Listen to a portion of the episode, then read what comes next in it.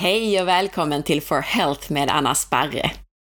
Idag ska vi prata med en tjej som med livsstilsförändringar har tappat halva sin kroppsvikt och dessutom tämjt ett sockerberoende och sötsug. Hon vägde alltså dubbelt så mycket för några år sedan. Tjejen vi ska prata med är LCHF-ingenjören My Westerdahl. Häng med och lyssna på hennes knep och tips. Om du gillar den här intervjun så blir jag mycket glad om du vill dela med dig av den på Facebook, Instagram eller till en vän. Och så kan du hjälpa podden att överleva genom att lämna ett betyg eller en recension i iTunes. Miss Linisen skriver som recension i iTunes Bästa hälsopodden! Jag har lärt mig och fått bekräftat så mycket genom denna podd. Inte bara har Anna koll på kost och träning, hon förklarar även hur kroppen fungerar och hur allt hänger ihop på ett ingående och samtidigt mycket pedagogiskt sätt. Och Fridis B skriver “Superbra! Vill bara höra mer!” Tack snälla ni! Ju mer du lyssnar, delar och recenserar, desto bättre går det att hålla podden levande med gratis information och intressanta intervjupersoner. Stort tack på förhand! Glöm inte heller att du kan boka mig som föreläsare till ett event, en organisation eller till ditt företag. Om du är nyfiken efter avsnittet så hittar du mer information på forhealth.se. My Westerdahl kallar sig för LCHF-ingenjören och beskriver sig själv som en tillnyktrande rosa sockernarkoman till ingenjör som har tappat 85 kilo, halva sin kroppsvikt. Idag ska vi fråga My hur man gör en sån här otrolig förändring och hur man hanterar ett sockerberoende. Hallå My! Hej Anna! Jag har verkligen sett fram emot att prata med dig. Det ska bli jätteroligt. Åh, oh, vad kul detsamma. Jag är jättetaggad. Men du har halverat din vikt. Kan du berätta lite om hur det gick till? Det började egentligen 2010.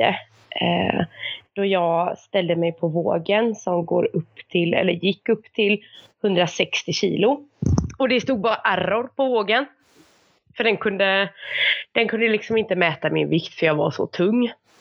Mm. Eh, och eh, ja, jag var ju så stor så jag kunde liksom inte knyta mina egna skor. Det var bara jobbigt att gå från hemmet till bussen. Jag eh, kunde inte ha bilbälte utan fick liksom sitta och hålla i bältet så att inte föraren såg att jag inte var fastknäppt.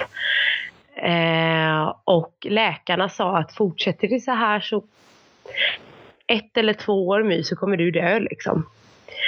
Eh, och eh, då bestämde jag mig för att skriva upp mig på en eh, sån gastric bypass, en, ja, där man eh, opererar magsäcken då. För att jag hade provat allt innan.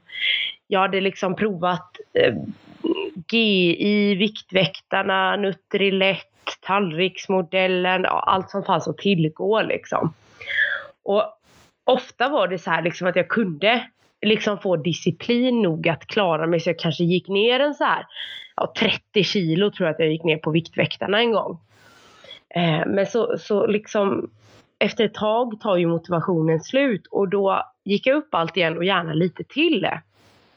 För jag var jämt hungrig. Eh, och jag har ju varit överviktig hela mitt liv då, alltid tröstätit, alltid hetsätit, aldrig varit smal.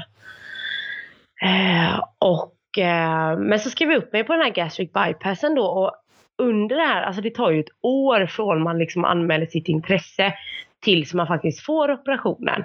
Och det är jag jäkligt tacksam för idag. För under det här året så stötte jag på LCHF eh, 2010 där då. Och kastade ut alla kolhydrater och köpte hem bacon i kilovis och det var smör och, och, och, hela den här grejen. Och jag började faktiskt rasa i vikt. Och det som var skillnaden den här gången är att jag behövde inte mäta maten eller väga maten eller vara hungrig någon gång. Utan jag fick äta mig mätt och jag fick äta när jag ville, hur jag ville. Eh, bara jag sket i kolhydraterna och jag rasade i vikt. På ett år så rasade jag 40 kilo och när den här liksom ja, läkarna tog kontakt med mig liksom bara välkommen in här nu, det är liksom, vi ska göra förundersökning och alltihopa. Så, så tackade jag nej för att jag bara kände att den här kosten är fantastisk. Jag kommer, jag kommer ju lätt klara det här själv liksom. Ja, vad härligt. Mm. Ja, fantastiskt. Men sedan så har det ju varit för att nu då för eh, snart ett år sedan så insåg jag att jag var sockerberoende då för att jag har ju gått ner drygt 85 kilo. Eh, och det har tagit mig snart sex år. Och det, det är ju ganska bra takt så liksom. Vad blir det typ? Eh, ja, knappt 20 kilo om året. Ehm, men ehm, i genomsnitt liksom. Men ehm, det har ju gått väldigt upp och ner för jag har ju fått sådana fruktansvärda sockeråterfall. Men så har jag tagit hjälp och faktiskt insett att jag, jag har en beroendehjärna liksom. Så att med den sjukdomsinsikten så har jag liksom fått rätt verktyg nu att hålla mig på banan igen utan återfall och det, det är fantastiskt. ja, verkligen. Alltså vilken bedrift. 85 kilo, det är helt, det är helt ofattbart, verkligen. Tack. Och, och 20, kilo, 20 kilo om året också, jag menar, vilka, att hålla den takten i sex år, det är ju ja, jättehäftigt, verkligen. Grattis! Tack så jättemycket! Men vad var de största anledningarna egentligen till att du var överviktig från början, tror du? Ja, alltså det var ju, jag har ju alltid haft en fäbless för kolhydrater. Det är liksom, vad ska man säga, jag valde alltid tillbehören till, till, till maten så att säga. Och jag, eh, vad ska man säga, det enda jag tänkte på var när jag skulle få mitt socker igen. Så att jag stal, jag snattade fotade, jag gick upp på nätterna när mamma och pappa hade somnat och rörde ihop så här chokladbollsmet och åt. Hela mitt liv kretsade bara när och hur och var jag skulle få socker. Jag var helt manisk. Eh, och liksom, det var liksom ingenting som var intressant förutom maten. Så att och grejen är ju liksom så här med kolhydrater. Alltså jag tror att vi alla är individuella och olika känsliga och jag tror att vi föds med en viss svaghet för exempelvis då kolhydrater i mitt fall. Vissa föds med svaghet för alkohol och så vidare och så vidare. Och eh, då hade ju vi, eh, vad ska man säga, det blev, alltså det var det enda jag tänkte på. För att jag var så himla svag för kolhydrater och kolhydrater är ju värdelöst ur viktminskningssynpunkt. För att det finns ju inget hormon i kroppen som, som ger mättnad på kolhydrater. Det är kolhydrater, alltså nu snackar jag ju mest socker och raffinerade kolhydrater såklart. Det triggar ju belöningscentra så att vi vill äta mer eftersom förr i tiden när vi inte hade det här industrisamhället så var kolhydrater, det var liksom eh, säsongsbaserade frukter i princip eller eh, rötter och alltså det var ju mycket kraftigare kolhydrater så då, då tjänade vi ju faktiskt på att äta kolhydrater liksom. Eh, och, och sedan då i kombination att när jag på 90-talet då när jag var barn så, eh, så, så var ju, vad ska man säga, fettet bovet. Allt skulle vara minimjölk och eller ja, mini, lätt och light liksom. Så att, och fett är ju väldigt bra ur viktnedgångssynpunkt för att kroppen har ju faktiskt ett hormon som ger mättnad på fett. Vilket gör att vi, vi vad ska man säga, vi äter mindre kalorier när vi äter fett för kroppen blir mätt snabbare och nöjd. Eh, och då var det ju så på 90-talet att det var ät mindre, spring mer och det skulle vara light och lätt och mini. Så att avsaknad av fett och fullproppat med kemikalier och snabba kolhydrater. Det, det är anledningen att jag vägde nästan 170 kilo till slut. Men tänkte du då att du var lite nyttigare när du åt tillbehör, när du åt potatisen istället för köttet och såsen så att säga? Tänkte du att det var nyttigare egentligen? Ja, för att alltså jag räknade ju snabbt ut var jag fick mest mat. Alltså, det är ju, det är ju väldigt lite kalorier i typ pasta och knäckebröd och eh, eh, lätta liksom. Så att man får ju äta mer och det var ju det man tänkte liksom. Ju mer mat man får ju mer utfylld i magsäcken. Och, och, och ju snabbare mätt blev jag. Det var ju liksom den logiken man styrdes efter. Eh, och så visar det sig idag att jag äter skitlite mängd mat. Det är mycket kalorier i. Men jag blir mätt jättesnabbt liksom.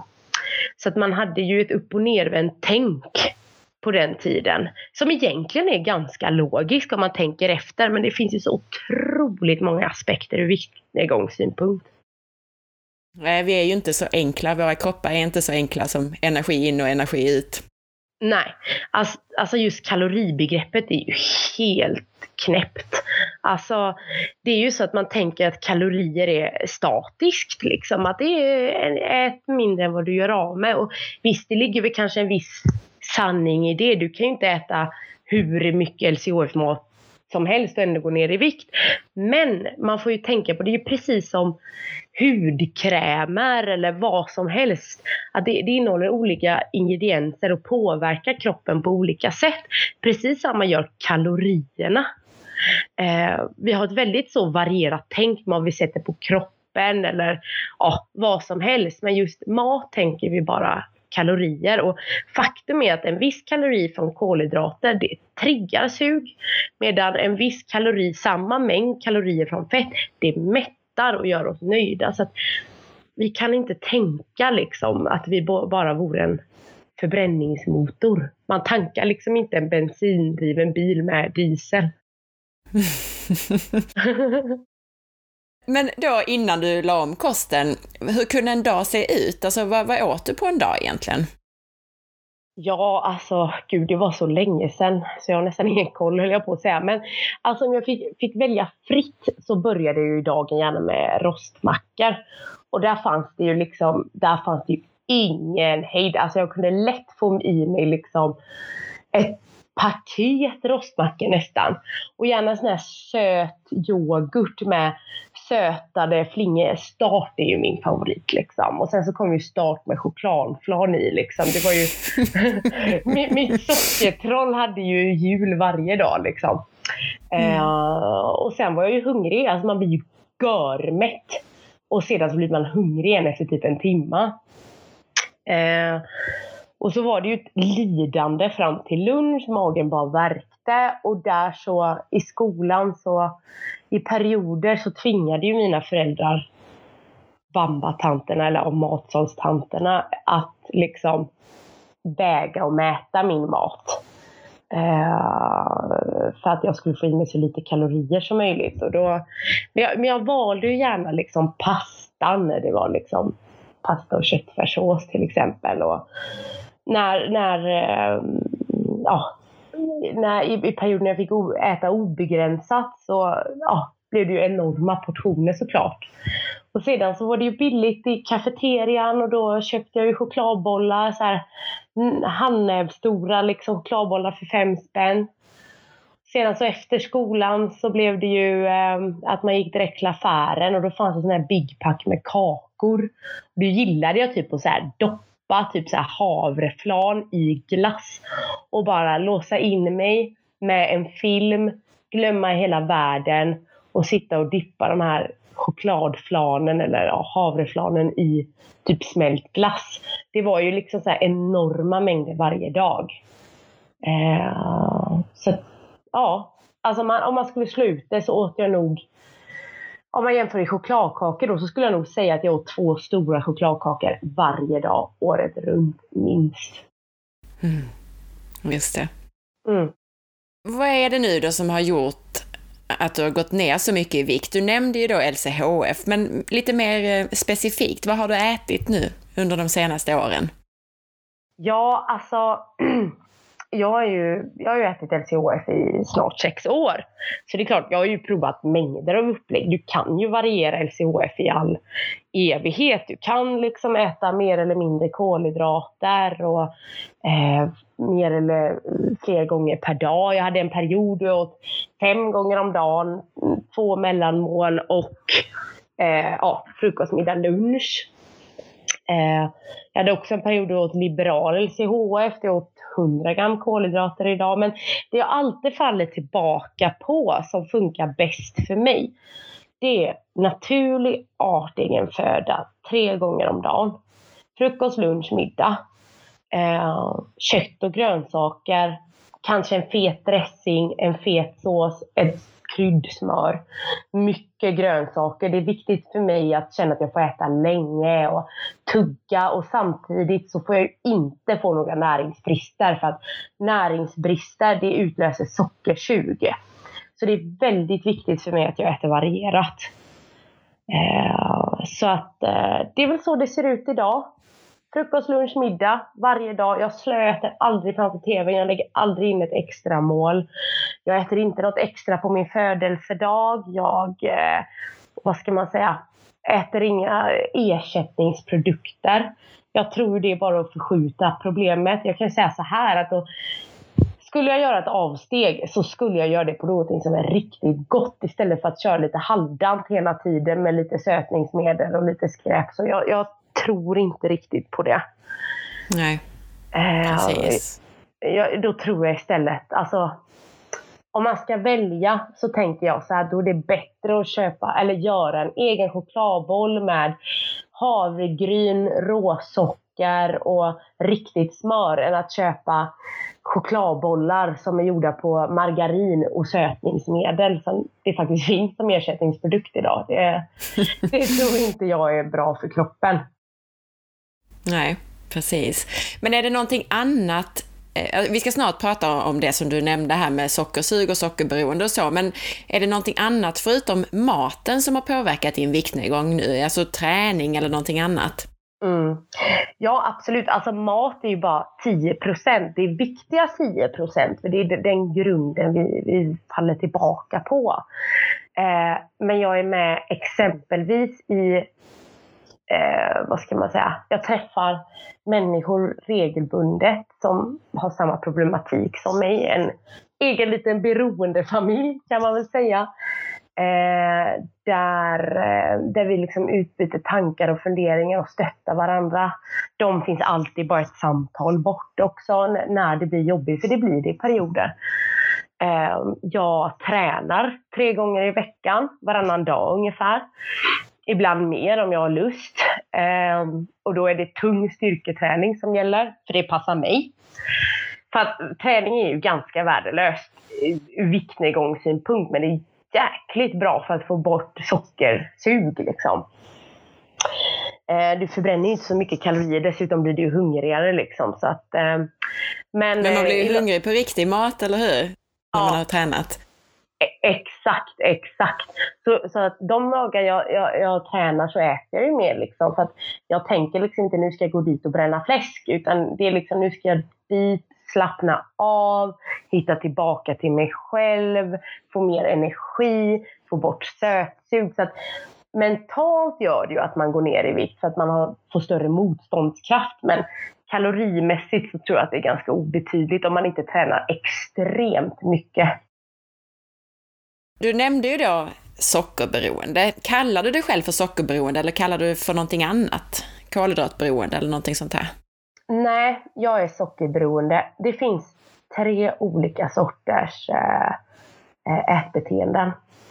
Eh, kan man faktiskt dela in mänskligheten i. Och det ena är normalt ätbeteende. Det är den här kompisen, du vet, ni går ut, ni ska käka en trerätters. Efter huvudrätten säger kompisen, nej alltså du, jag skiter i dessert, jag är så mätt. det är liksom den kompisen vi alla avundas. Eh, och eh, den här personen har inga som helst mattankar. Alltså visst, den kan ju liksom prova spännande recept och så, men det är inte så att det tar upp massa tankeenergi och planering och ångest. Eh, personen tycker att det är väldigt obehagligt att bli för mätt också. Det är nästan så att den hellre väljer att vara lite hungrig än för mätt. Eh, där har vi den första kategorin eh, ja, matbeteende eller ätbeteende. Sen så har vi den mellersta kategorin och det är destruktivt beteende. Det här destruktiva ätbeteendet, de är ofta kemiskt beroende utav, eh, vad ska man säga, maten. Ehm, det blir liksom att, ja men det är klart, alltså jag menar socker är åtta gånger mer beroendeframkallande än kokain. Så det är klart när de äter kolhydrater och så, så, så, så, så får de ju ett sug efter det. Och ofta så faller de dit då på grund av socialt tryck. Men du ska ha en kaka liksom och så. Men skillnaden är när man går ut och äter med den här kompisen. Då säger han, nej men jag vill faktiskt inte ha någon efterrätt för jag äter LCHF nu. Så att den här personen går faktiskt ner i vikt av enbart en kostomläggning. Sedan så har vi den sista kategorin som jag tillhör och det är det beroende ätbeteendet. Och vi tappar kontrollen helt. Här biter liksom inte bara en diet utan du måste få hjälp av andra. Du måste ha mentala verktyg. Du måste eh, planera hela ditt liv utifrån din mat. Alltså jag kan liksom inte bara undra vad som händer idag. Utan jag måste veta när ska jag äta, vad ska jag äta, hur mycket ska jag äta. Eh, jag kan liksom inte bara gå ut oplanerad för då faller jag dit. Jag måste söka mig till andra som är beroende. Och, och jag måste ta ansvar över mitt beroende för annars så kommer jag falla dit för att det finns ingen diet i hela världen som biter på ett beroende ätbeteende. Och de här tre grupperna, vi kan, vi förstår inte varandra alls. Jag kan, vi respekterar varandra, att eh, jag respekterar ju mina vänner som har normalt ätbeteende och de respekterar mig. Men vi kan inte förstå varandra fullt ut. För jag kan inte förstå hur man kan tacka nej till en dessert. Liksom, för att man är mätt. Och de kan inte förstå att jag kan äta tills jag spyr. Så att det är liksom, och det är där tror jag, för det är ju mycket bråk och tjafs och sånt där i kostdebatten. Men det, det beror på grunden, det beror på att vi alla har ett olika ätbeteende och därför kan vi inte förstå varandra fullt ut och varandras val för att vi, har, vi är olika helt enkelt. Mm, precis. Jag brukar kalla det för att det är, alltså de tre grupperna, att de ligger på en slags glidande skala, att man kan hamna ja. lite mitt emellan dem också. Det är ja. min erfarenhet i alla fall när jag har jobbat med, med personer som har ett starkt sötsug då, att de kan vara, mm. eh, precis, man kan vara beroende, man kan vara bara mer det, det fysiska, det fysiologiska ja. sötsuget, men man kan också hamna lite mitt emellan och det är de som mm. inte helt förstår eh, bitten till exempel, men, mm. men eh, de, de ändå är så här så man känsloäter och sådär. Eh, kan du hålla med mig om det eller, eller har du ett annat perspektiv på det? Jag håller med dig. Eh, jag håller med dig helt. Du kan liksom inte kategorisera in liksom alla individer på jorden efter tre kategorier såklart. Det finns ju nyanser på det. Däremot går det inte att vara lite beroende. Alltså det är ungefär lika dumt att säga att jag är lite gravid. Alltså ett beroende är ett själsligt, psykiskt och fysisk sjukdom. Det definieras av att även om du vet att du kommer dö av detta, du, du, du äter trots att du är sjuk, liksom, du vet att maten gör dig sjuk, så kan du inte sluta äta. Och du får sån ångest, sånt lidande att du liksom, du isolerar dig, du vill inte träffa andra, du gömmer dig. Eh, du får självmordstankar till slut. Alltså maten gör dig deprimerad. Och du kan inte ta dig ur det. Du är totalt maktlös. Och det är liksom ingenting du kan bli lite grann. Utan det är, där har du den beroende människan. Eh, och det mm. kan du inte vara lite utav. Men just det destruktiva, det kan du vara. Det finns ju hur många nyanser som helst på det liksom. Och där har vi också skillnaden då mellan att, som jag kallar det, ha ett stort sötsug och att vara sockerberoende då. Ja, exakt. Men alltså sedan så finns det ju de liksom också, får man ju tänka på, alltså allt är ju inte sockerberoende. Du har ju liksom ätstörningar och du har människor som, som, som aldrig fick lära sig som barn att hantera sina känslor utan döva det med socker. Alltså det finns ju en uppsjö olika, eh, vad ska man säga, ja, definitioner och problematik. Eh, så att säga. Så att man, man ska man ska vara, jag tror att det viktigaste är att man på något sätt hittar rätt hjälp istället för att kategorisera sig själv. Mm, jag håller med dig. Jag tycker det var en viktig sak som du tog upp där, för jag träffar ganska många som mm. har en hetsätningsproblematik eh, och känsloäter väldigt mycket, men det mm. behöver inte alltid vara att, att det är själva sockret och kolhydraterna, utan det kan vara andra livsmedel också i de fallen. Precis, precis. Jag, menar, jag har gått i KBT sedan jag var 15 år gammal och jag blev bara tjockare och tjockare och tjockare. Liksom. Alltså, terapi hjälper inte på ett beroende, men det hjälper på en eh, ätstörning. Ehm, du behöver andra, alltså terapi hjälper på otroligt mycket och sådär, men inte på beroende utan då, då är det total avhållsamhet från drogen enda som hjälper liksom. Mm. Kan man bli av med ett sockerberoende enligt dig? Nej. Eh, hjärnskanningar och sånt visar ju liksom att människor som har levt i avhållsamhet länge, då lyser andra delar av hjärnan upp. Grejen är så här att det gör den för att du lär nytt och du lär annorlunda och du lär dig hantera saker så du bygger nya banor i hjärnan, så är det. Men jag jämför lite hjärnan som eh, autobahn. Liksom. Säg att du ska från eh, punkt A till punkt B. Punkt B är målet, det är där du får den absoluta belöningen. Eh, då kan du ta autobahn, bara raka vägen fram, brassa på hur snabbt du vill liksom. Ät ditt socker helt enkelt. Så ding säger det och du får belöning utav bara eh, helsike.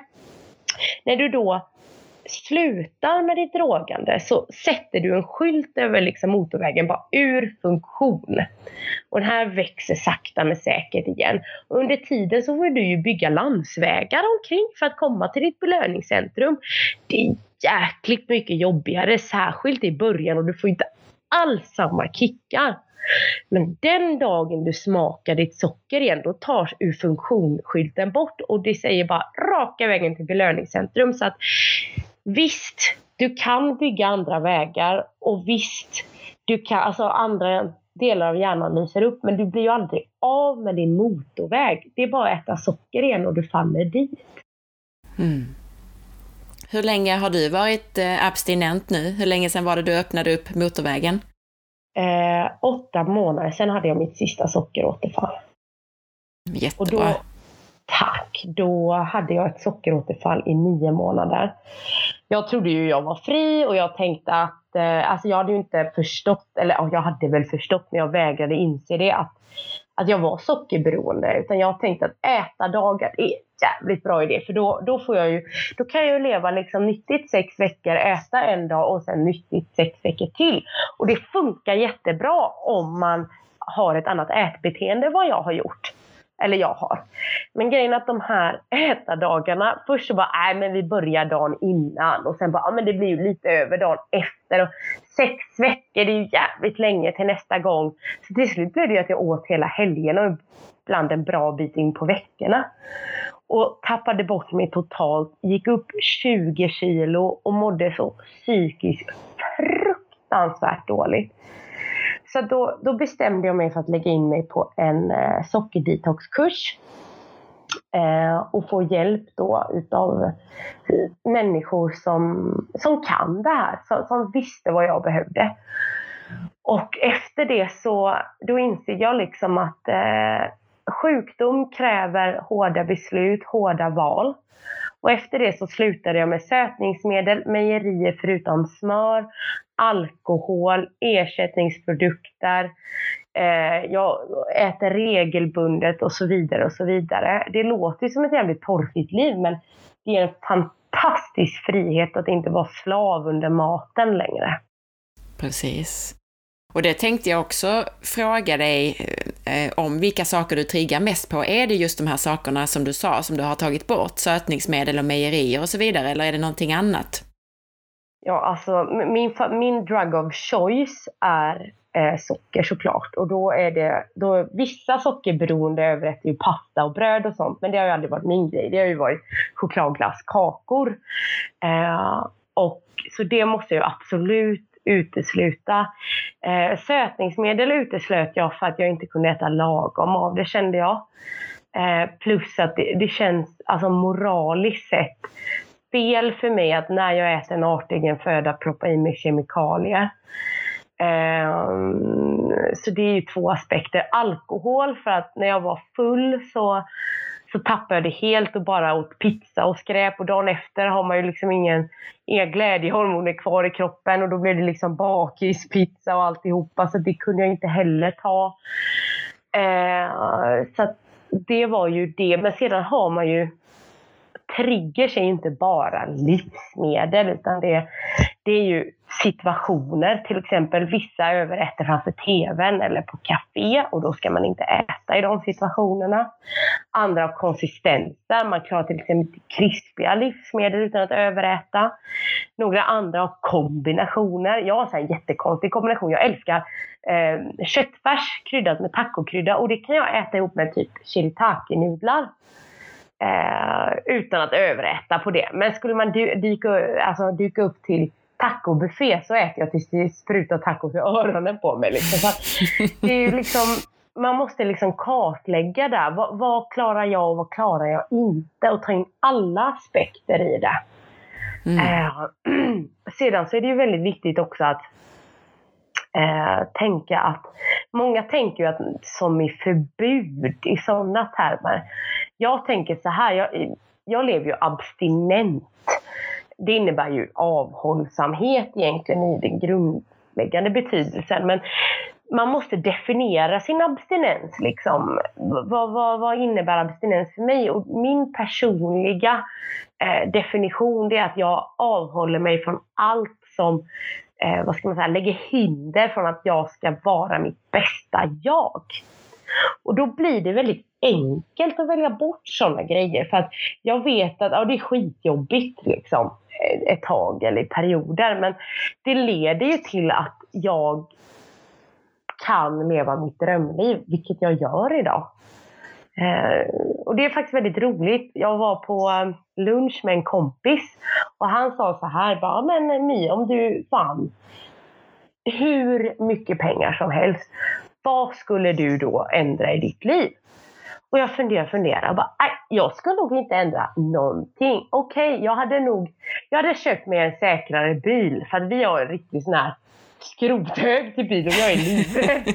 Men ingenting annat. Alltså, jag kanske hade ja, skrivit en bok. Men det är de två sakerna. Alltså jag lever som jag vill leva och det är tack vare att jag lever abstinent. Så att vilka resurser jag än fick så skulle jag inte ändra på någonting. Och det, det för mig är lycka faktiskt och det gör det värt det. Verkligen, vad underbart det här är. Det är fantastiskt och det hade inte gått om det vore för sockret liksom. Du nämnde ju det här att det finns ju andra triggers än själva maten, men vilka är dina risksituationer då? Mina risksituationer, eh, det är ju känslor då såklart. När jag känner mig väldigt glad, väldigt ledsen. Eh, när livet känns motigt, för det gör det ju. Det kan man ju aldrig skydda sig ifrån liksom. Eh, det är också, ska jag tänka efter, framför TVn kan jag inte äta. Ehm, Ja, oh, gud, det finns så många, jag får säga. Nej men, Nej, men sedan så är det väl typ restaurang också. Och då, då tänker jag mest i alkoholtermer. För, att för mig var lyx förut att liksom bara gå ut med min man och beställa in ett gott glas med vin. Liksom. Det, det, tycker jag är väldigt trevligt. Så ett restaurangbesök triggar mig ur alkoholsynpunkt. Eh, sådär. Um... Och det tänkte jag också fråga om faktiskt, för, för, hur gör du med andra beroendeframkallande substanser såsom alkohol? Alltså, eh, är alkohol ett problem för dig, eller hur ser du på det? Ja, alltså grejen är ju så här att man har ju, har man en beroendehjärna så är man ju egentligen, eh, då är man ju beroende av de här kickarna då. Och det är väldigt roligt för att det är så här liksom att tar man bort en grej så får man ju större utlopp på andra grejer. Det är liksom, tar jag bort sockret så börjar jag gärna dricka mer alkohol. Eh, så jag var ju tvungen att ta bort alkoholen. Så att man ska ju hela tiden vara väldigt uppmärksam på olika utlopp. Vissa börjar spela väldigt mycket. Andra börjar shoppa väldigt mycket. Några får så här relationsberoende, att man börjar flirta hysteriskt med alla. Och vissa är till och med otrogna för att de blir väldigt så här sexberoende. Det finns ju otroligt många grejer i livet som ger oss kickar. Eh, och därför måste man vara försiktig när det gäller när man tar bort sin drug of choice. För då kommer det komma andra grejer. Det är garanterat. Så det är ju ett ständigt jobb liksom. Och man gör ju snedsteg. Alltså jag, menar, jag, jag har aldrig shoppat så att jag behövt låna pengar eller sätta oss i ruin. Men ibland så bara, vad fan, det här var ju jäkligt onödigt liksom. Nu, nu brände jag 5000, det, det var ju jättedumt. Eh, så man, man, man, får vara liksom försiktig när det gäller sina beteenden. Man, man, man kan inte bara slappna av utan, eh, eller slappna av kan man göra men man ska vara uppmärksam så att man inte får andra destruktiva beteenden. Mm. Så att man inte ersätter ett beroende med ett annat helt enkelt. Exakt.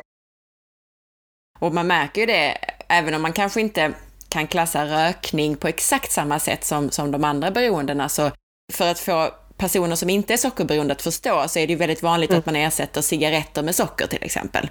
Och det är mm. ju också eh, ett sätt att ersätta ett beroende med ett annat på. Ja. Min erfarenhet är också att, att även de som kanske inte klassas som beroende utan eh, det som du kallar för destruktivt ätande, att de personerna av alkohol kanske, eh, alltså just det här att omdömet förändras lite grann och att det är mm. lättare att falla dit på grund av det också. Mm.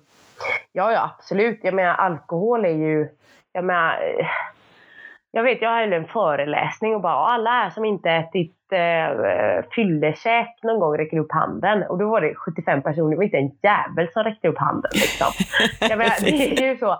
Alltså man tappar ju om det, men det är ju personlighetsförändrande liksom. Så att, alltså fylla och vad ska man säga, diet är ingen bra kombo eller diet, men hälsosam livsstil så. Eh, sedan så självklart, jag menar, har man inte ett beroende eller ett dåligt ätande, så att säga, som att ta sig på ett glas vin, det höjer ju livskvaliteten ibland. Liksom. Det är ju inte så, men i min kategori så kan vi inte dricka alkohol. Du nämnde saker som socker och kakor och, och eh, glass och sådär och så nämnde du sötningsmedel och mejeriprodukter som du undviker. Hur, mm. hur är det med nötter nötter och annat som är så här väldigt kompakt energi. Funkar det för dig? Jag tål ju inte nötter så det, jag har ingen aning. Enkelt. Men hur gör man egentligen för att komma ur eller att hantera ett, ett matberoende? Vad har varit det allra viktigaste för dig? Det allra viktigaste är att lägga sig platt på marken och bara acceptera att så här är det. Alltså det är ingen idé att bara fightas och eh, att liksom tro att man ska klara det här själv. För att visst, du klarar det ett tag. Du kan mota bort sockerdjävulen själv ett tag. Men du behöver hjälp. Samtidigt så finns det ju sådana, alltså, men det finns ju alkoholister som har klarat det själva. Men varför slå sig blodig? Varför stå där och, och tro, alltså det är ingenting fult att be om hjälp man tror att man har så himla mycket stolthet och att folk ser en som svag om man ber om hjälp. Men herrejävlar, jag, menar, jag bloggar, föreläser, instagrammar, skriver krönikor och sånt där. Trots att jag får hjälp dagligen, både av liksom en sockermentor och självhjälpsgrupper och samtal. Och jag fruktansvärt jobbiga perioder ibland. Men det är inte så att jag är någon supermänniska. Däremot har jag de rätta verktygen. Och det är det som är skillnaden. För jag har inte mer disciplin eller styrka än någon av min andra beroendesyskon. Utan det är bara liksom att jag har rätt verktyg, jag har fått rätt hjälp. Och det handlar om att jag, jag kapitulerade. Och jag insåg att jag var sjuk. Och många tänker så här, ja ah, men alltså det är så himla lätt att vara sjuk. Så här. Men det sista, alltså när du accepterar ett beroende, det, då sätter du inte på dig någon offerkofta och bara, ah, det är så synd om mig, la la la. Utan det är då du får hjälp på riktigt och hitta de rätta verktygen och faktiskt får metoder så att du klarar dig utan sockret. Så att det finns ingen offerkofta inblandat. De här beroendemänniskor är fan de starkaste människorna, de som lever, är de starkaste människorna man kan hitta där ute. För att jäklar vilken kamp det är. Har du några sådana superverktyg för att hantera maten och suget som du vill dela med dig av? Absolut. Framförallt så finns det något som heter OA, eh, Anonyma överrättare. Det är en jättebra grupp man kan vända sig till. FAA, det är just för sockerberoende, eh, samma typ av grupp. Sedan så handlar det om att planera. Du, kan, alltså, du måste hela tiden ta ansvar över din sjukdom. Så alltså, när du blir bortbjuden så ringer du innan. Vad kommer serveras? Klarar jag att äta det? Funkar inte det så tar man med sig egen mat och det finns ingen skam i det. Eh, att ta med sig egen mat på bjudningar och så. Du ställer krav. Eh, du kräver av din familj att dina droger inte finns hemma, i alla fall inte när du är nyabstinent. Liksom, droga får de göra någon annanstans i början. Liksom. Ska barnen äta godis och sånt där så då får de äta det i bilen eller vad som helst men inte i din närhet i början. Sen när man blir starkare, så alltså jag skiter ju om min man liksom äter godis idag, det bryr jag mig inte om. Men, men i början var det viktigt för mig. Liksom. Eh, sedan så handlade det mycket om att eh, inte göra sig till offer. Det är inte det är väl synd om oss på ett sätt, fast det är det inte. För att när man lär sig hantera beroendet så kommer man hur långt som helst. Eh, sedan så ska man alltid ha med sig tre saker i handväskan. Det ena är kokosolja, det andra är L-glutamin och sedan så har vi en proteinkälla också. Eh, kokosolja vid panikhunger. Eh, in med en tesked i munnen för att få bort det liksom. För man tänker inte klart när man är hungrig. L-glutaminet det är kroppens vanligaste aminosyra och det botar sötsug direkt. Det är, ett sånt där, det är en jävligt enkel lösning på ett komplicerat problem. Eh, det är liksom, du tar två teskedar, löser upp det i iskallt vatten. Max 30 eh, minuter, eller tidigast 30 minuter innan och efter måltid för att värme förstör aminosyran. Och det går upp i hjärnan och gör dig pigg och klar och tar bort sötsuget. Det funkar alltid. Och jag som eh. brukar säga att det inte finns några quick fixes, men det, Eller det finns det ju. jag trodde inte det heller. Jag bara, nej, sånt här börs tror jag inte på. Du vet så här, bantningspiller och pulver och skit. Men det funkar och det är jättekonstigt. Jag var jättekritisk till det. Men L-glutamin det är, det är ett fantastiskt verktyg och det är så bra för magen och för kroppen så att det skadar inte att prova. Eh, och så en proteinkälla, för att protein behöver vi. Och det är också för lite större hunger, för att hur mycket man än planerar så blir det så att det skiter sig ibland. Ibland får man jobba över, ibland hamnar man i en bilkö eller så här, och då måste du ha någonting lite snabbt att äta. Och det kan vara ett kokt ägg, ölkorv, ja, eller någonting annat så att säga som, eh, som du tar vid eh, Baby Bell till exempel. Eh, som du tar då vid panikhunger. Så de tre sakerna ska man alltid ha med sig i väskan. För att, eh, men men babe, du, du äter väl inte mejeriprodukter? Eller? Nej, jag äter inte det, men vissa äter ju det. Ja, okej, okay, okay, Men du verkar ju vara väldigt stark, alltså du verkar ha ett bra självförtroende, en bra självkänsla, du vågar säga ifrån. Är det ett måste att man ska vara så öppen med sitt beroende, att man, ja, här kommer jag och jag är beroende och jag vill veta vad det är för mat på, när, när jag är bortbjuden. Eller kan, om man är lite blygare och försiktigare, kan man lösa det på något annat sätt? Grejen är så här, det var ganska roligt för jag träffade eh, några kvinnor eh, för ett tag sedan. Och de sa så här till mig bara, men My, alla är inte så lika självsäkra som du är. Men grejen är att, alltså först och främst självsäker, det låter ju så himla, men alltså jag, jag tänker så här att det här har ju inte kommit gratis. Det är liksom inte så att jag, född, jag har fötts som världens kaxigaste människa och jag har perioder då jag är riktigt liten. Liksom. Men, eh, för man får vara liten, men man ska öva på att respektera sig själv. Jag menar, i högstadiet så var jag så mobbad så att det liksom blev rättegång och jag hade självmordstankar. Jag hatade mig själv, jag isolerade mig själv. Jag tog inte så mycket plats, så jag har ju inte alltid varit sån här.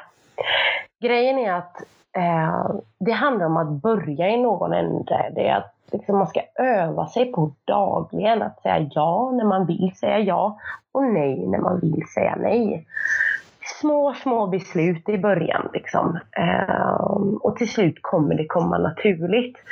Det handlar om en självrespekt och självrespekten kommer faktiskt väldigt mycket ur abstinensen. Det blir en väldigt god spiral. Eh, och jag känner så här, alltså, många tänker så här, ja oh, men alltså oh, de tycker jag är löjlig och la la la la la. Men jag har inte träffat en enda person som skrattar åt mig. För att du kan inte berätta lite halvdant, ja men jag är lite sockerberoende. För då kan du liksom inte förvänta dig att du, du bemöts på det sättet så, som du vill bemötas. Du, du måste vara uppriktig mot dina medmänniskor. Liksom att jag tappar kontrollen, jag isolerar mig, jag får självmordstankar, jag mår så jäkla psykiskt dåligt och jag bara gråter. Jag kan inte träffa min familj. Jag orkar ingenting. Då förstår människor om du verkligen är 100% ärlig med din sjukdom. Det finns ingen som säger bara jag får självmordstankar, vad löjlig du är. Alltså jag med, var finns de människorna? I så fall ska vi ju dumpa dem snabbare än kvickt liksom.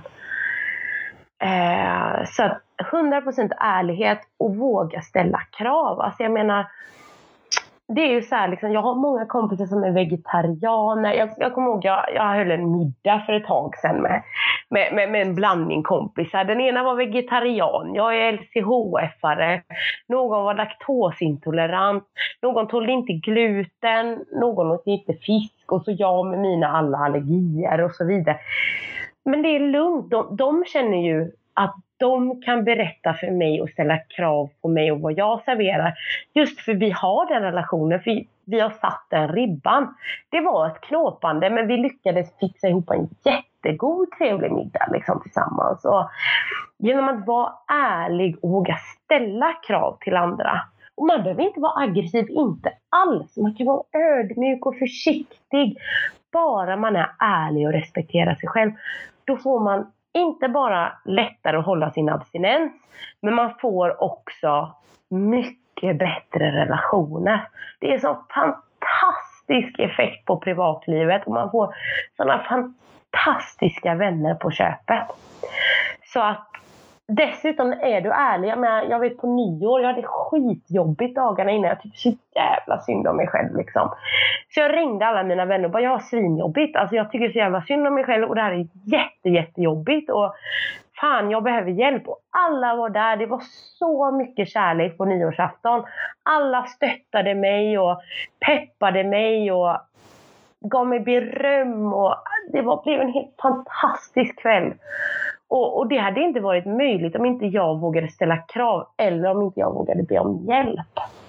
Så det är jobbigt i början men det ger så fin effekt på livet. Är det ingen som har ifrågasatt dig, alltså av dina bekanta eller släktingar, när du har berättat? Jo, alltså de äldre generationen såklart. Alltså du vet farmor, mormor, alla de här. För att det är ju svårt att lära nytt ju äldre man blir. Eh, men de förstår någonstans nu att, alltså för jag är sån här, för mig är alla relationer, det finns krav på alla relationer. Även om de är min släkt eller min familj så, så finns det krav. Jag kommer alltid älska dem men jag kan välja att inte umgås med dem om, om de inte respekterar min abstinens. Så de har ju förstått någonstans att om de ska trycka på mig bullar och bakverk och annat djävulskap så kommer inte jag kunna hälsa på dem. Och så är det. Och efter det så har det gett med sig. Liksom. Alltså, jag respekterar mig själv. De, alltså jag kräver inte att någon ska förstå mig. Men jag kräver att människor ska respektera mina val. Annars så finns det tyvärr inte plats i mitt liv för dem. Väl talat. Men det låter ju fruktansvärt, men tyvärr är det så man får göra. Nej, jag tycker det låter som en sund relation, att man ska respektera, respektera varandra. Mm. Man får inte, alltså jag har aldrig behövt bryta en relation. Men eh, det ska jag säga, jag har inte behövt det. För det men det kan ju komma till punkter då, då, då det behövs. Liksom. Om, om man hamnar i en sån relation så får man ju välja att ta en paus från den relationen. Liksom. För det viktigaste är att som sockerberoende att man håller sig abstinent. Vi dör av den här sjukdomen annars. Så, mycket annat val finns det inte. Har du någon gång klarat att göra ett undantag när det gäller maten? Ja, alltså det är ju så här, det är ju rysk roulette. Men skulle jag äta socker idag, det finns en chans att jag skulle kunna klara att bryta efter en tårtbit. Eh, men, men för mig är det inte, jag ser ingen poäng i att spela rysk roulette liksom. Eh, för mig är det inte värt det. Jag kan lika gärna ta en tårtbit som att äta i ett år. Jag vågar inte det, för mig är det inte värt det. Så att jag ser inte poängen med att jag, eh, att jag, jag ska våga ta den risken. Även om det finns idag en stor sannolikhet att jag skulle klara det. Har du haft några utmaningar under den här tiden när du har gått ner i vikt? Alltså före det här återfallet. Gick allting bara som på räls då, eller vad? Nej. Nej. Nej, alltså det... Jag hamnade ju i sockerfällan titt som tätt. Ibland så en vecka, ibland så en månad liksom. Eh, så att hela min viktresa har ju varit en berg och dalbana. Och det vet jag ju, det finns ju förklaring för jag har ett beroende ätbeteende liksom. Eh, hade jag inte haft det hade det ju gått jämnare. Men jag behövde hitta rätt verktyg och jag är så jäkla glad för att alla mina återfall. För jag har lärt mig någonting om mig själv varje gång. Det är bara lärandepoäng. Så att ett återfall kommer det alltid gott ur. Eh, även om det kommer mest hemskt ur det så lär vi oss väldigt mycket om oss själva och hur vi själva fungerar och situationer som triggar. Så att eh, man ska aldrig hacka på sig själv, det tjänar man inte på. Så det som har varit svårigheterna, det har varit återfall till sockret så att säga. Det har inte varit andra motgångar på något sätt. Hur tänker du med andra motgångar? Ja, jag vet inte riktigt. Att motivationen har trytit lite grann eller någonting sånt där. Alltså man behöver inte motivation för att gå ner i vikt. Alltså motivation är en färskvara. Eh, mm. alltså jag, menar, jag springer inte runt här och är supermotiverad i sex år. Det är liksom bara, det bästa verktyget det är bara för idag. Skulle mm. jag börja tänka så här att ja men ehm, jag får aldrig mer äta socker. Då kommer jag rusa till bensinmacken här och köpa Dimes så det är bara ja, en bärkasse liksom. Det jag tänker det är liksom så här att nu och just nu. Skulle jag börja tänka så här, undra hur jag ser ut när jag är 20 kilo mindre och undra hur det kommer bli då, undra vilka kläder jag ska på mig, wow vad häftigt och sånt där liksom. Du, alltså du vet jag skulle bli så himla överladdad och få sån prestationsångest att, att, att jag skulle falla ner i sockerfällan. Jag tänker bara liksom nu och nu och nu och nu. Jag gör liksom, just den här lunchen väljer jag att äta närproducerad, ekologisk, bra mat. Sen nästa måltid får jag äta precis vad jag vill, men den här lunchen väljer jag det. Sen så kommer nästa eh, måltid och då tänker jag, men den här middagen, den väljer jag att äta eh, sockerfri liksom. Och så blir det varje litet steg, varje liten sekund, det är ju det som formar framtiden. Och då behöver man ingen motivation. Motivation är förrädiskt. Ehm, det är bra när man precis ska sätta igång så liksom att nu kör vi igång liksom så men det är ju ingenting, alltså man vaknar ju inte upp liksom varje dag i sex års tid och bara nu är jag supermotiverad liksom.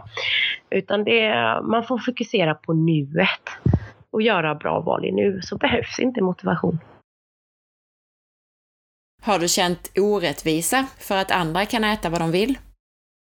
Ja, alltså som, som det är klart, ibland sätter man ju på sig den här fluffiga varma offerkoftan och bara Åh, det är så synd om mig och allting är så hemskt. Tänk om jag kunde äta precis som dem. Och precis inför nyår var det ju så, för då, jag skiter ju i sockret liksom nu. För att jag har ju ändå ätit LCHF i sex år. I början 2010 så tyckte jag ju väldigt synd om mig själv att jag inte kunde vara med och fika och sånt där. Men efter något år så, så, så har man ju accepterat det så. Alkoholen är ju just det, eh, tycka synd om-fällan som jag har nu liksom. Ska alla andra få dricka liksom och inte jag? Varför har jag det så här och så? Men alltså, man kommer över det. Speciellt om man då har andra människor som lever precis som du.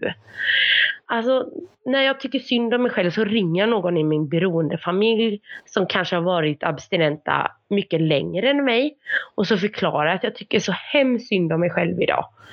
Och så berättar de för mig hur de kände och vad jag vinner på detta. För man, kan ju, man tänker ju inte klart i sådana situationer och så. Och så går det över liksom. Det är därför det är viktigt att inte göra det själv. För att om jag skulle vända mig till sådana som ett annat ätbeteende än vad jag har, som inte är beroende, så kommer de säga så här för att man vill inte gå i clinch med någon. Bara, Nej men alltså, ett undantag kan man göra. Det viktigaste är hur man lever resten av tiden och så. Men det funkar ju inte för mig så jag behöver likasinnande. Så att självklart tycker jag synd om mig själv i perioder men det är ju en minoritet av delen. Speciellt också eftersom jag inte tänker här, jag har ju lovat mig själv att jag kommer få äta socker. Imorgon får jag äta socker. Imorgon får jag bli full liksom. För då är det liksom lugnt. Eh, men idag gör jag inte det och morgondagen kommer ju aldrig.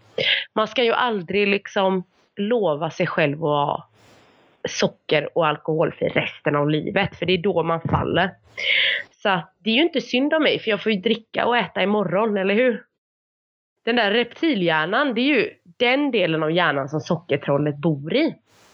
Och reptilhjärnan är dum som fan.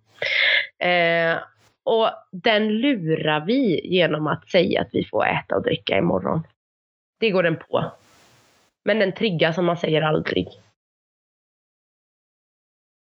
Apropå då utmaningar och, och, svårigheter under den här tiden när du har tappat ja. alla dina kilo, så nämnde ju då att du gick upp 20 kilo i samband med det här återfallet. Mm. Om du jämför det med den här jojo-bantningen som var före eh, LCHF för dig, mm. blev det samma sak här? Alltså var det lika svårt att bli av med de här extra 20 kilona du la på dig, eller var det lättare att bli av med dem sen när du fick ordning på maten och beroendet igen? Det, det är så roligt alltihopa för att alltså även fast jag har hypoterios, alltså nedsatt sköldkörtel och så jag har ju låg ämnesomsättning alltså, och ett sockerberoende och sånt där så har jag så jäkla lätt för att gå ner i vikt på LCHF. Det är så sjukt. Det finns så många som kämpar i motvind och alltihopa. Men min kropp säger bara slurp och så liksom går den ner i vikt. Eh, periodvis i alla fall. Ibland tar den ju paus liksom. Det är självklart. Men jag menar, på nio månader så gick jag upp 20 kilo. På åtta månader så har jag gått ner 25. Eh, och det beror på, dels så beror det på att eh, jag äter regelbundet och jag äter viss mängd med mat liksom. Eh, det beror på att jag inte äter ersättningsprodukter. Jag bakar inte, jag äter inget LCHF-godis. Alltså inget sånt äter jag. För det, det blockar ju faktiskt det blockar ju faktiskt viktnedgång. Dels för att man ramlar upp ganska mycket kolhydrater. Sen kan man ju gå ner i vikt ändå, även fast man äter mycket kolhydrater. Det är inte det jag säger, men då får man ju tänka på energiinnehållet istället. Eh, men dels också för att det triggar sötsug så att man gärna överäter. Så att äter jag den mat min kropp är gjord för att äta, det vill säga protein, fett och grönsaker. Min kropp vill inte vara tjock för det vore ju jättedumt ur överlevnadssynpunkt. Och då väljer den att sluka mina reserver utan hunger istället. Men du äter dig mätt på den här, alltså den här mängden som du har bestämt dig i förväg att du ska äta vid lunch till exempel. Känner du dig mätt efter du har ätit det? Ja, alltid. Och skulle jag inte göra det, då äter jag mer. Eh, men det är ju så här när man har varit väldigt stor och så, så har man ju oftast lite fackade mättnadssignaler. Så det är väldigt viktigt att äta långsamt och ge det 20 minuter efteråt. Eh, så kommer mättnaden liksom. Mm. Eh, och jag menar, där så är man osäker. Så här är det, det här, nu ger jag mig ut på minerat fält för LCHF-kretsen. Men jag mäter och väger min mat ibland. Eh, när jag känner att jag håller på att tappa mitt ögonmått. Liksom, så att portionerna blir bara större och större och jag äter mer och mer. Liksom. Då, Eh, då märker jag ju att det här är ju liksom ingen naturlig hunger utan det är ju liksom min, det är min beroendehjärna som vill ha volymätning som utlopp. Liksom. Eh, och då går jag in en vecka och så räknar jag ut mitt kaloribehov. Eh, och sedan så väger jag och mäter maten en vecka. Och då lär jag mig under den veckan, just det, så här mycket är det jag ska äta. Liksom. Och sedan så kan jag återgå till ögonmåttet. Och det är väldigt skönt. Och det, många tänker så här, man ska inte väga och mäta maten. De flesta behöver inte väga och mäta maten. Man har liksom en naturlig mättnadskänsla.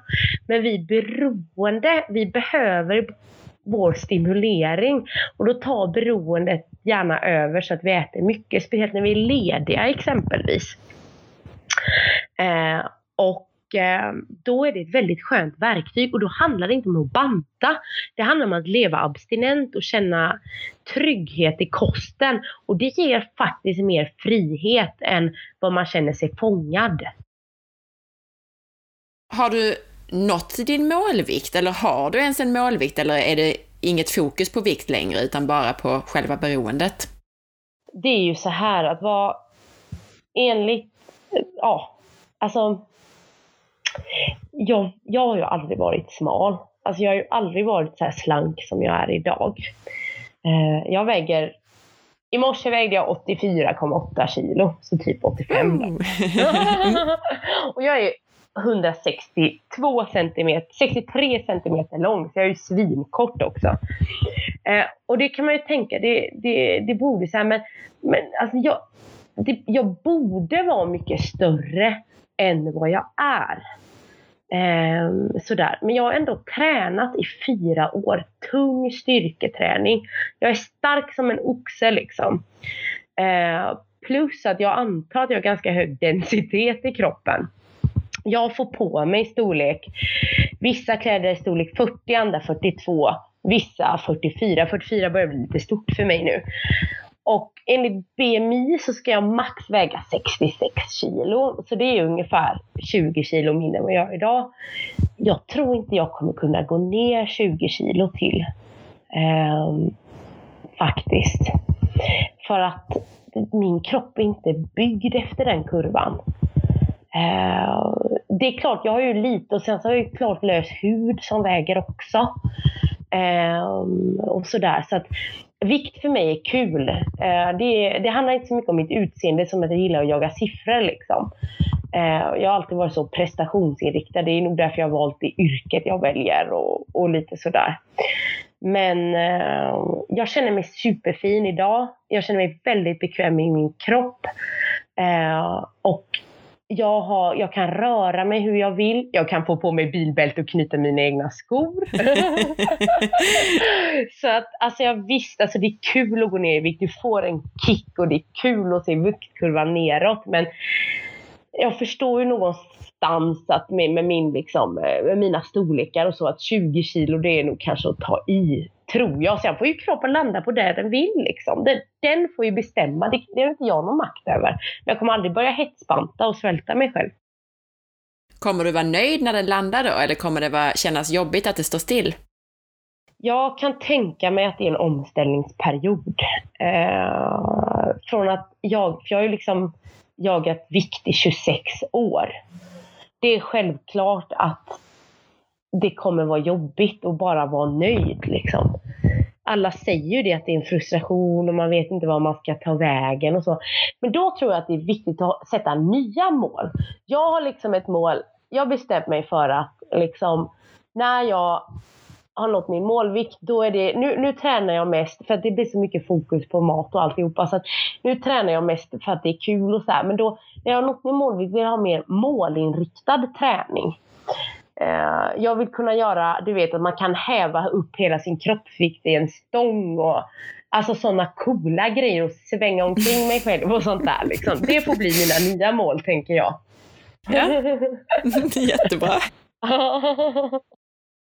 Jag måste flika in också på det där apropå BMI. Alltså jag har alltid varit väldigt smal, men jag har aldrig haft ett lågt BMI, för jag är också sådär hög densitet, vältränad, har alltid sjunkit om jag har lagt mig i en bassäng, aldrig kunnat flyta, alltså sådana saker. Så att BMI, alltså det kastar vi i papperskorgen, helt ja, ärligt. Ja, vi. Det är bara konstigt, det är bara viktfixering och dumheter.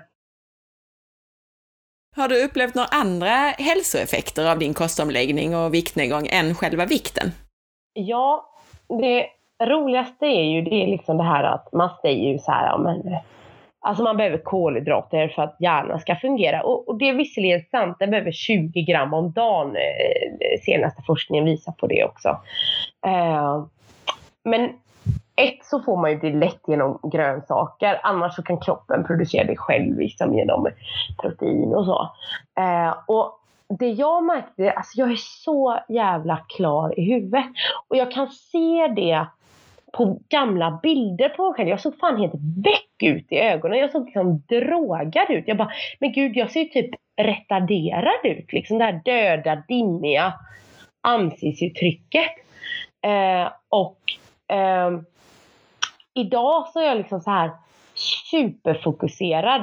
Jag läste upp tre års gymnasiebetyg på tre månader med alla rätt på varje prov. Eh, jag har tagit igenom en tuff utbildning, jag är civilingenjör. Fem år utan en enda omtenta. Det var jag och en till i klassen som klarade det. Eh, jag fick stipendium för mitt examensarbete och då pluggade jag 100% samtidigt som jag jobbade 50%. Och just den här superkoncentrationen att jag märker typ att när jag ger mig in i saker så bara det blir bra. För hjärnan fungerar som den ska. Sedan så har jag alltid varit väldigt sjuk i astma och allergier. Förr i tiden fick jag liksom åka in på akuten en gång i månaden och minst i astma och allergichock. Det, det händer ju liksom inte längre. Um, jag har inte fått en allergichock på jättelänge. Jag får jobbig astma när jag är sjuk. Då, då blir astman jobbig, men det är ingenting jag behöver åka in akut för. De senaste fem åren har jag åkt in akut en gång för astma. Det är en jäkla skillnad på en gång i månaden liksom. Ja, verkligen. och sedan så, ja man får ju liksom jag märker ju det, liksom känslan i kroppen, ingen värk. Det är mycket artros i min familj. Jag har inte ont i lederna, jag får jämt ont i lederna när jag gjorde ett undantag. Alltså det börjar verka som bara bövelen liksom. Uh, och allt det här liksom. Det är återigen, man tankar inte en dieseldriven bil med bensin liksom, för då skär den sig. Och det är samma med våra kroppar liksom. Vi ska ge oss den, den föda vi är liksom skapta för att äta. För att lyssnarna ska lära känna dig och samtidigt få lite inspiration på hur man kan äta och leva, så tänkte jag bara mm. ta några kortare, lite mer konkreta frågor. Mm. Så först så undrar jag vad du har ätit idag? eh, idag, jag började dagen med fettkaffe och då tog jag eh, 15 gram Brain Octane från Saxider. Det är en MCT-olja. Och sedan 20 gram smör, så jag mixar ungefär en liter kaffe. Det är det enda kaffet jag dricker om dagarna. Och det mättar mig fram till lunch. Till lunch idag så åt jag väldigt enkelt men lyxigt. Då tog jag en ekologisk skinka. Som jag bredde med 120 gram då. Eh, som jag bredde på med, som jag delade på mitten de här skinkskivorna och bredde på, vad blir det, eh, 40 gram smör. Och så tärnade jag, eller ja, skivade en tomat och la på och rullade in det i små eh, rullar och bredde på flingsalt. Och det är Eh, det klarar mig fram till middagen på. Så att det är så det har sett ut idag hittills. Mm, jättebra. Och mm. Du äter tre gånger om dagen sa du, eller hur många gånger äter du? Ja, tre gånger. Frukost, fettkaffe, eh, lunch och middag. Räknar du kolhydrater eller lever du efter några andra riktlinjer på något sätt? Ja, alltså kolhydraterna räknar jag när jag behöver lite stöd så. När jag känner att portionerna har växt och jag har tappat ögonmåttet. Men annars så blir man ganska duktig på att uppskatta. Jag ligger på mellan eh, 20, alltså jag ligger på mellan 15 och 30 gram om dagen. Eh, oftast under 20 eller runt 20. Och då är det bara kolhydrater från grönsaker så det påverkar ju inte blodsockret på samma sätt. Liksom. Har du någon favoritmat? Eh, ja, jag är ett stort fan av korv stroganoff och blodkålsris. Mm. Det älskar jag. Hur gör du den? Alltså gör du den med grädde då eller vad har Nej. du i den? Eh, kokosgrädde en ekologiskt bra falukorv. Eh, det finns ju bra slaktare runt omkring bara man liksom söker upp dem med bra råvaror, korvar och sånt. Eh, en sån falukorv, tre, fyra lökar, gulök, eh, en liter kokosgrädde, precis som en vanlig då. Lite tomatpuré. Det finns sockerfri som man kan köpa för, från internet om man vill. Annars finns en ekologisk. Det är ju ganska lite socker i en sån så man tar ju inte särskilt mycket, en matsked eller två liksom. Det beror på vad man triggar på. Vissa klarar det, vissa klarar det inte. Eh, salt och peppar. Och så river man blomkål eller köper ICAs grönhydrater. Jag älskar dem. Eh, och kokar upp och så serverar man och det blir så kladdigt och så himla gott och så kan man låta det, man ska ha lite tålamod så att det får stå och puttra så att såsen blir riktigt krämig och så ska man gärna klicka i lite smör för att få upp eh, fetthalten. Det lät jättegott. Alltså kokosmaken känns inte alls. Det, man känner om den är kall, men är den varm känner man inte kokosmaken. Äter du något tillskott? Ja, det gör jag. Jag äter ganska mycket tillskott just för att jag, för jag har slutat med Levaxin för min köldkörtel och tänker att jag ska laga den själv. Um, och då är det viktigt eftersom man har då en sämre upptagning att man äter lite tillskott för det är ju liksom inget farligt. I värsta fall så är det bara pengar i sjön som man kissar ut liksom. Uh, jag äter Magtech som är ett magnesiumtillskott från eh, Saxider då. Eh, och, och, det tar jag tre kapslar på kvällen innan jag går och lägger mig. Och det är för att jag ska sova bra, vara mer vaken, få större koncentration. Sen så äter jag C-vitamin också från Saxider och det är för att jag har en sämre, ett sämre immunförsvar på grund av min astma och allergi. Så C-vitamin är aldrig dåligt. Det är C-vitamin och selen eller zink tror jag att det är i det. Sedan så äter jag eh, ja, Brain Octane då i mitt kaffe varje morgon. Och det är Brain Octane, det är den MCT-oljan från Saxider. Och sedan så äter jag Ledins komplett för säkerhets skull, alltså värsta fall pengar i sjön liksom.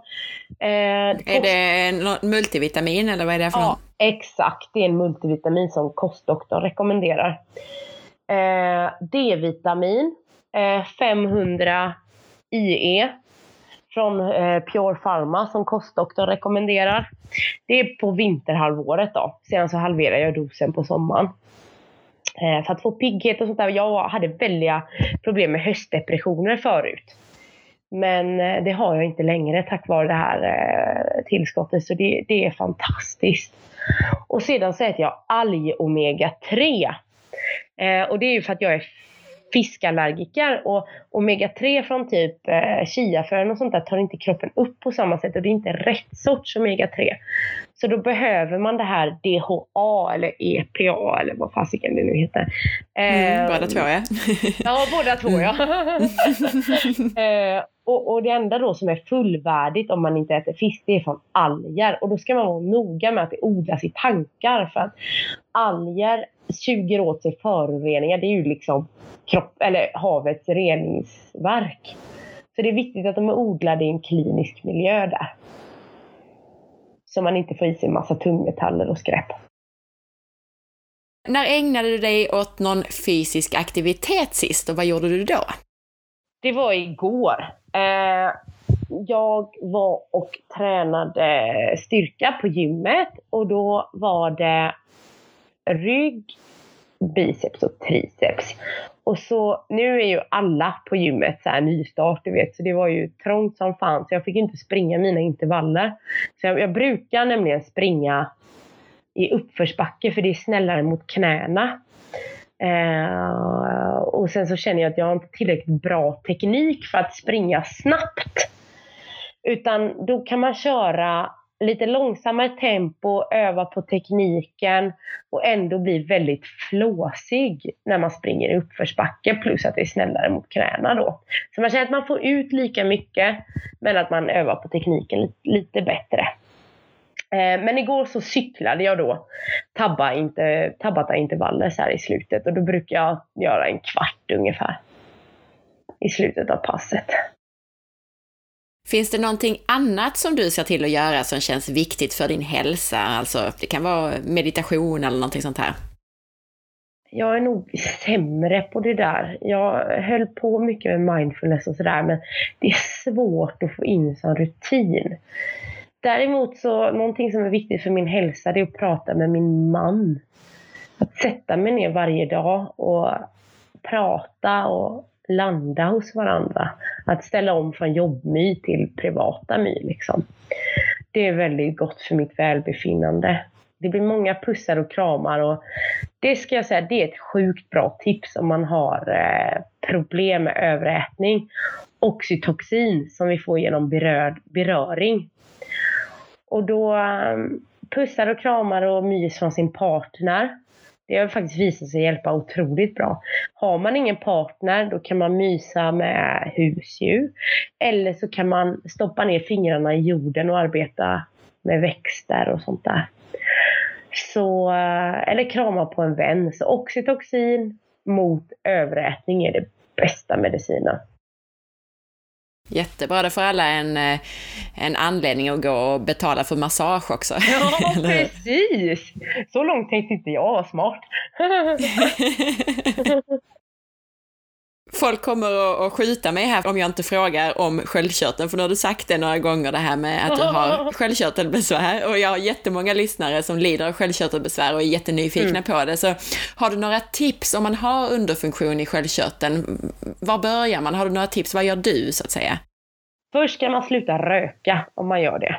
För att eh, de gifter man drar in, de fastnar på sköldkörteln kan man säga så blockar upptaget av hormoner. Något sånt där var det, jag kommer inte ihåg riktigt men i princip så. Så att sluta röka, vare sig det är bara liksom feströkning, för det gjorde jag förut. Bara, det är fest, ge mig cigaretter liksom. Party party. Men det insåg jag ju snabbt att det skadar min sköldkörtel. Eh, sedan så finns, alltså just magnesium, olika kosttillskott. Jag tycker att man ska göra en sån eh, ehm, kroppsanalys för att se vad man saknar. Det går att äta sig frisk. Och sedan bort med alla raffinerade kolhydrater. Mejerier, inte heller bra mot sköldkörteln. Liksom. Det ska man minimera. Eh, och eh, det är väl mina, jag har fått mycket bättre värden sen jag slutade feströka, sen jag började äta de här kosttillskotten som jag saknade då. Eh, och som, eh, och framförallt kolhydrater och allt sånt där, det är ju förödande för sköldkörteln. Blev du hjälpt av Levaxin när du åt det? Nej, det blev jag inte. Jag hatade Levaxin. Jag blev liksom konstig i kroppen av det jag kände inte igen min kropp. Det var liksom som att jag tappade kontakten liksom med min kropp. Ehm, jag fick hjärtklappning, dålig mage. Det vet jag är vanliga funktioner, men det var liksom en oro i kroppen. Och, och, och den betedde sig konstigt och jag fick humörsvängningar. Så jag gick ju och sa bara, nej men nu får ni ge mig någon annan. Men det vaccin, bara håll ut, håll ut, bla bla.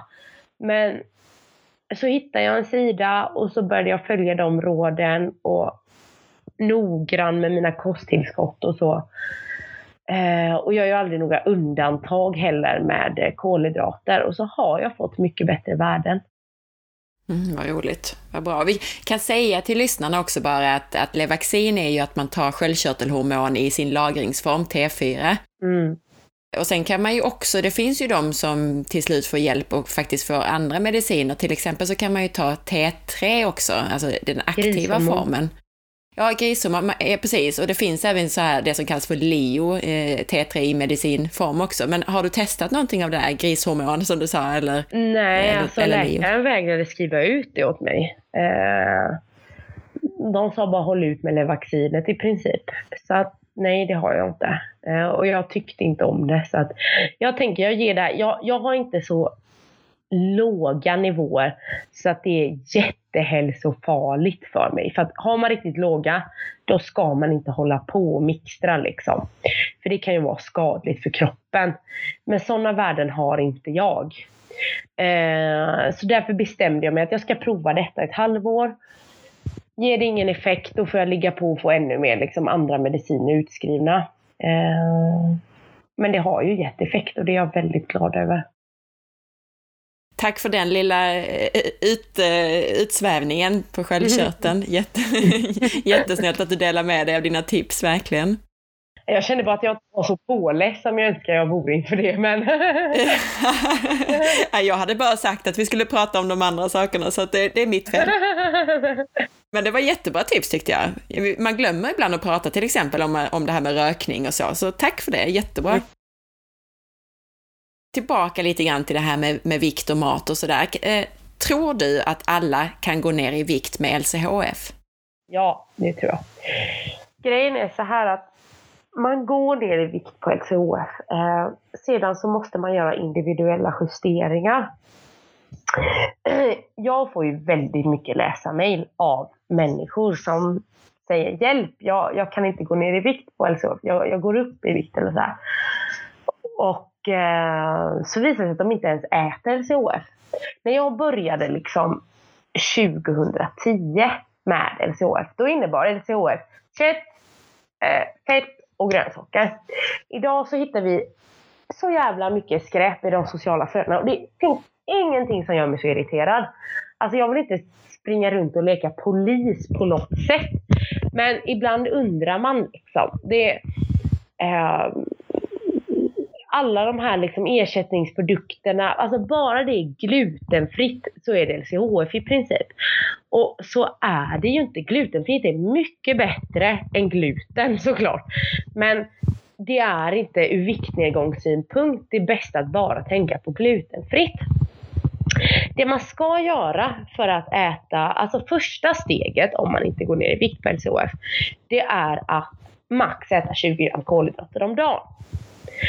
Andra steget, när man inte går ner i vikt på LCHF, det är att lägga in 16-8 fasta. Det hjälper väldigt många att man eh, hoppar frukosten och har ett ätfönster. Man kan också dricka fettkaffe på morgonen som jag gör. Eh, så att säga, då blir det ju en fettfasta kan man väl säga, fast det är ju, ja. Eh, det tredje man gör är att se över mejeriintaget för att mejerier innehåller ju kasein. Och kasein använder ju kroppsbyggare för att alltså, växa. Och kasein är ju det här mjölkproteinet. Och det är ju liksom meningen att när den här lilla, lilla kalven ammar ska den få liksom känna att det här var gött, det här vill jag göra igen. Så kasinet påverkar belöningscentra och gör att lilla kalven blir en jättestor ko liksom. Så att minska ner mejerierna rejält. För det, det, det blockar viktnedgång vid för stora mängder. Sedan så är det ju så här att är kroppen otrygg, man har hetsbantat, jojobantat mycket, då kommer det ta ett tag innan kroppen känner sig trygg nog att släppa kilo. Man kan också ha brister i kroppen eh, som man måste kolla över för att en osund kropp den vill liksom inte gå ner i vikt. Eh, sedan så har man ju eh, sömn är ju skitviktigt. Det är bland det första man ska se över så man får sina åtta timmars sömn. Eh, och stressnivån där för att stress utsöndrar kortisol som blockar viktnedgång. Så sedan får man ju ta i beaktning också, ju äldre man är, särskilt kvinna, ju svårare blir det att gå ner i vikt. Det vet vi liksom. Så att man kan inte börja vråla efter två veckor på LCHF, det här funkar inte. Utan man måste ge det tid. Vissa tar det tre månader innan kroppen blir så trygg att den börjar tappa. Men framförallt är det viktigt också att se till så att man faktiskt äter LCHF och att man inte bara livnär sig på bluffprodukter. För det blockar viktnedgång och det gör företagen för de vill åt våra plånböcker. Avslutningsvis så har du en jättepopulär blogg. Var hittar man den någonstans? Eh, lchfingenjoren.se Som i LCHF-ingenjören då alltså? Precis, fast med O. Man kan också söka på My Westerdahl så kommer det upp där liksom i Google. När man tittar på din blogg så beskriver du dig som, nu ska vi se här vad, det, vad du skrev, du skrev att, att du är en tillnyktrande rosa sockernarkoman till ingenjör. Vad, vad menar du med rosa? Jag är väldigt rosa. Jag älskar färgstarkt, jag älskar eh, folk som vågar säga vad de tycker och tänker. Jag älskar skratt, glädje. Eh, men jag är väldigt rosa. Rosa är min färg. Jag alltid, alltså, helst av allt skulle jag vilja gå i skrikrosa hela dagen. Nu kan inte jag det med mitt jobb. Men alltså just rosa står för mig för hopp, glädje, att man får vara den man är, att vi överviktiga kvinnor visst har rätt att ta plats, att man är skitsnygg även fast man har några kilo för mycket, att vi ska sluta gömma oss, att vi ska stå upp för vår kvinnlighet, att vi ska bejaka oss själva. Och att vi har rätt att leva det liv vi vill leva utan att vad ska, kuvas av varken Jante eller andras åsikter och värderingar. Gött, härligt talat. men, men, du, snart kan du inte säga vi överviktiga längre. Du, har, du är lite för smal för det nu för tiden. Fast vet, jag kan alltid luta mig BMI. ja, precis. Man säger faktiskt. Men jag, alltså, jag, har en, jag har en stor personlighet. Nu är det väl mindre kropp, men eh, jag har en knubbig personlighet tror jag.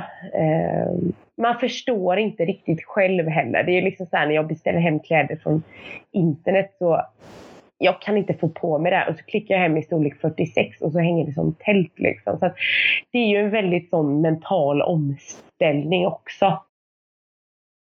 Det glömde jag faktiskt fråga, för det hade jag tänkt fråga dig, om du hänger med rent mentalt med din snabba viktnedgång? Eller är det just det, yttrade det sig så att du beställer hem för stora kläder, ja. eller har du några andra effekter av det där? Ja, något annat är ju så när jag var så stor, det här är hemskt, så här borde det verkligen inte vara, men när jag var som störst så, jag har ju jag är ju liksom ingenjör och sen så är jag uppväxt på en ö med bara killar och sedan så har jag alltid valt mansdominerade yrken.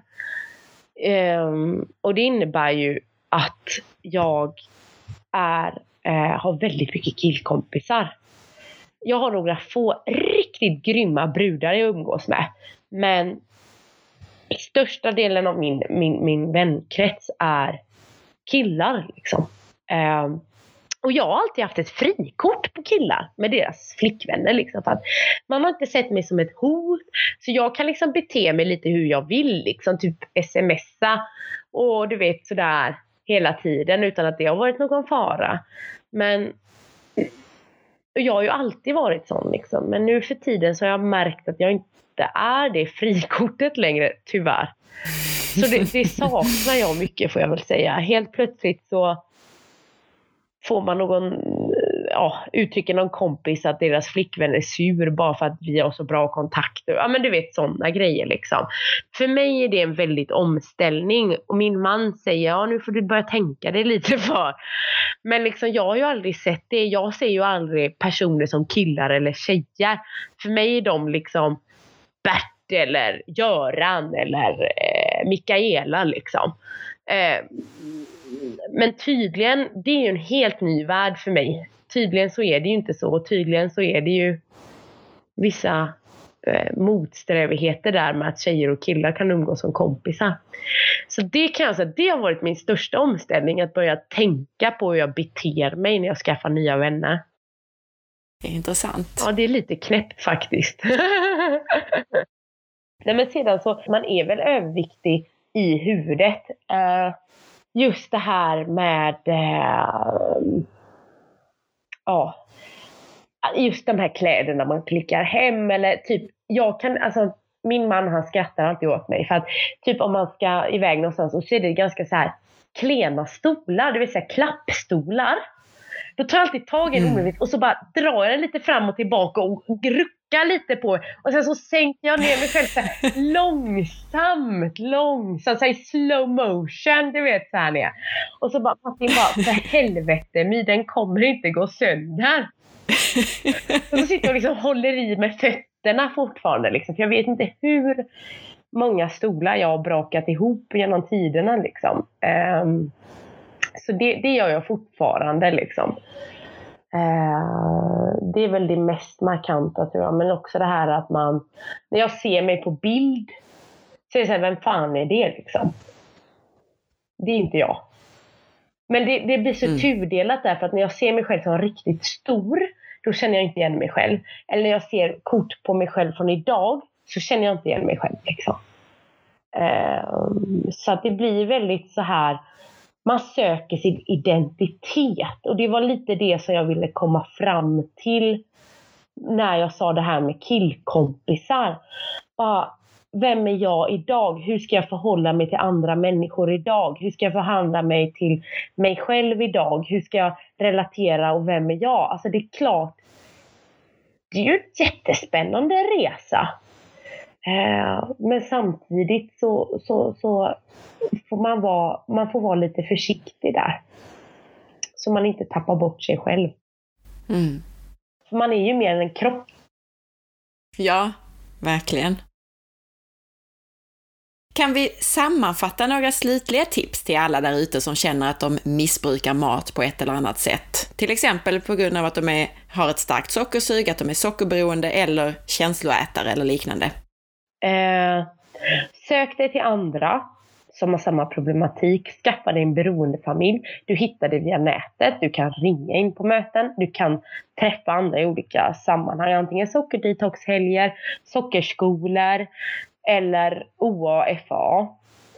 Eh, kartlägg dina triggers. Vad går du igång på? Jag vet att vissa sockerberoende kan äta havregryn och frukter i mindre mängder.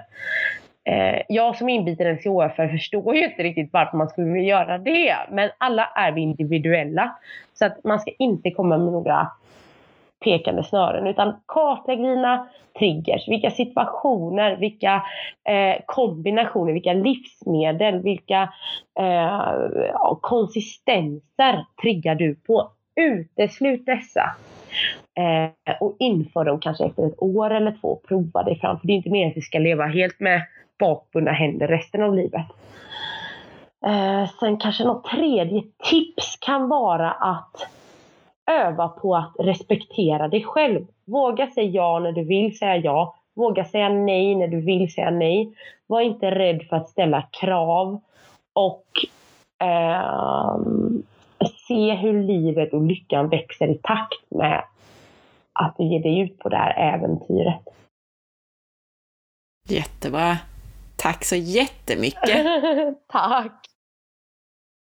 Tack för att du lyssnade! Jag hoppas att du gillade intervjun och härliga My lika mycket som jag gör. Glöm nu inte att dela med dig av avsnittet till en vän som borde lyssna och dela eller länka till intervjun på Facebook. Nästa vecka blir det ännu en fantastisk gäst i podden, nämligen Ann Fernholm det får du bara inte missa. Ann levererar många sanningar. Missa inte att följa med på Facebook och Instagram. På Facebook hittar du mig och For Health på facebook.com forhealth.se och på Instagram under signaturen asparre. Titta gärna in på bloggen på forhealth.se och önska intervjupersoner. Eller ställ frågor som du vill att jag eller en intervjuperson besvarar i podcasten. Ha en underbar dag och en härlig vecka. Hej då!